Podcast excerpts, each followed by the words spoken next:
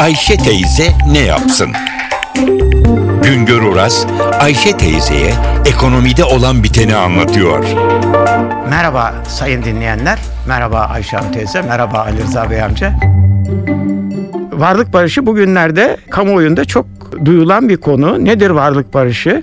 Türklerin, Türk kuruluşların, Türk şahısların yurt dışında bulunan hesaplardaki dövizlerini Türkiye'ye getirmeleri halinde yüzde iki bunların Türk lirası karşılıklarına yüzde iki vergi ödemek suretiyle buradaki kayıtları aldırabilecekler. Bunlarla ilgili geriye dönük olarak hiçbir yasal sakınca olmayacak. Herhangi bir sorumluluk altına girmeyecekler. Türkiye'de daha önce de bu varlık barışı konusunda girişimler olmuştu. Önceki girişimde e, sadece dövizlerin yurt dışından getirilmesi değil, Türkiye içinde de stokların e, kayıtlara geçirilmesi, e, daha önce e, vergi dışı kalmış bir takım işlemlerin e, kayıt altına alınması konusunda da e, değişik girişimler olmuştu. Bundan da belli ölçüde hazinenin bir getirisi sağlanmıştı. Fakat önemli olan sadece e, hazinenin getirisi değil, daha çok kayıt dışı kalmış olan işlemlerin kayıt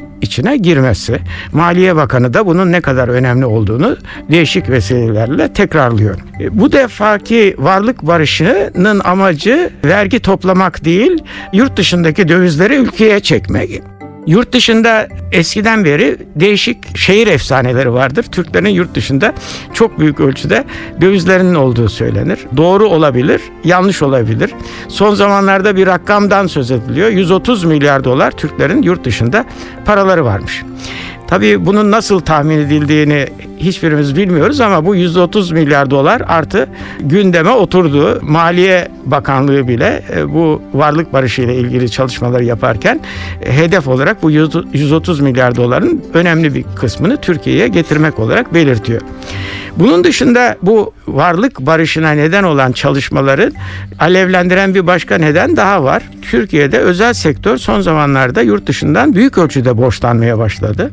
Kamu sektörünün borçları yurt dışından aldığı döviz kredileri düşük olduğu halde özel sektör en son Şubat ayı itibariyle 173 milyar dolar yurt dışından borçlu. 173 milyar dolar önemli bir para. Kim almış bunu özel sektörde yurt dışından? Bankaların borçları var yurt dışına kredi olarak kullandıkları yaklaşık 70 milyar dolar. Reel sektörün hani, e, firmaların, e, holdinglerin, e, iş yapan kesimin borcu da 90 milyar dolar dolayında. Yani önemli bir para. Ve öteden beri söylenti şu. Özel kesim, reel kesim böyle 90 milyar doları yurt dışındaki bankalardan kolaylıkla alamaz. Bunlar mutlaka yurt dışında kendi birikimleri vardır. O birikimlerini bankalara teminat olarak gösteriyorlar. Yahut da bankalardaki döviz mevduatlarının karşılığında Türkiye'ye kredi getiriyorlar şeklinde söylentiler oluyor. Bu söylentinin Maliye Bakanlığı tarafından da benimsendiği anlaşılıyor. Çünkü Maliye Bakanlığı da paralarınızı kredi olarak Türkiye'ye getireceğinize yurt dışındaki dövizlerinizi Türkiye'ye getirin. Onları rahat rahat kullanın. Bunun karşılığında yüzde iki bir vergi ödeyeceksiniz. Hem Türkiye'deki bankalar daha güvenceli hem de bu tür dolaylı işlemlerden kurtulursunuz şeklinde açıklamalar yapıyor. Ne olacak? Varlık barışının herhalde bu e, birkaç ay e, gündemde kalacak. Çünkü e, varlık barışı ile ilgili olarak uygulamalar başladıktan sonra Türkiye'ye ne kadar döviz geldiğini göreceğiz. İnşallah önemli ölçüde Türkiye'ye döviz gelir ama bu demek değildir ki artı Türklerin yurt dışında hiçbir şekilde döviz birikimleri kalmayacak. E, Türklerin yurt dışında mutlaka döviz birikimleri kalabilir. Çünkü Türkiye'de yurt dışında iş yapan çok sayıda Türk firması var.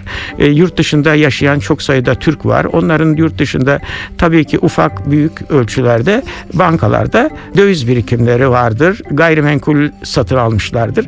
E onların da tamamını Türkiye'ye getirmenin imkanı yok. Bir noktaya daha temas etmek istiyorum.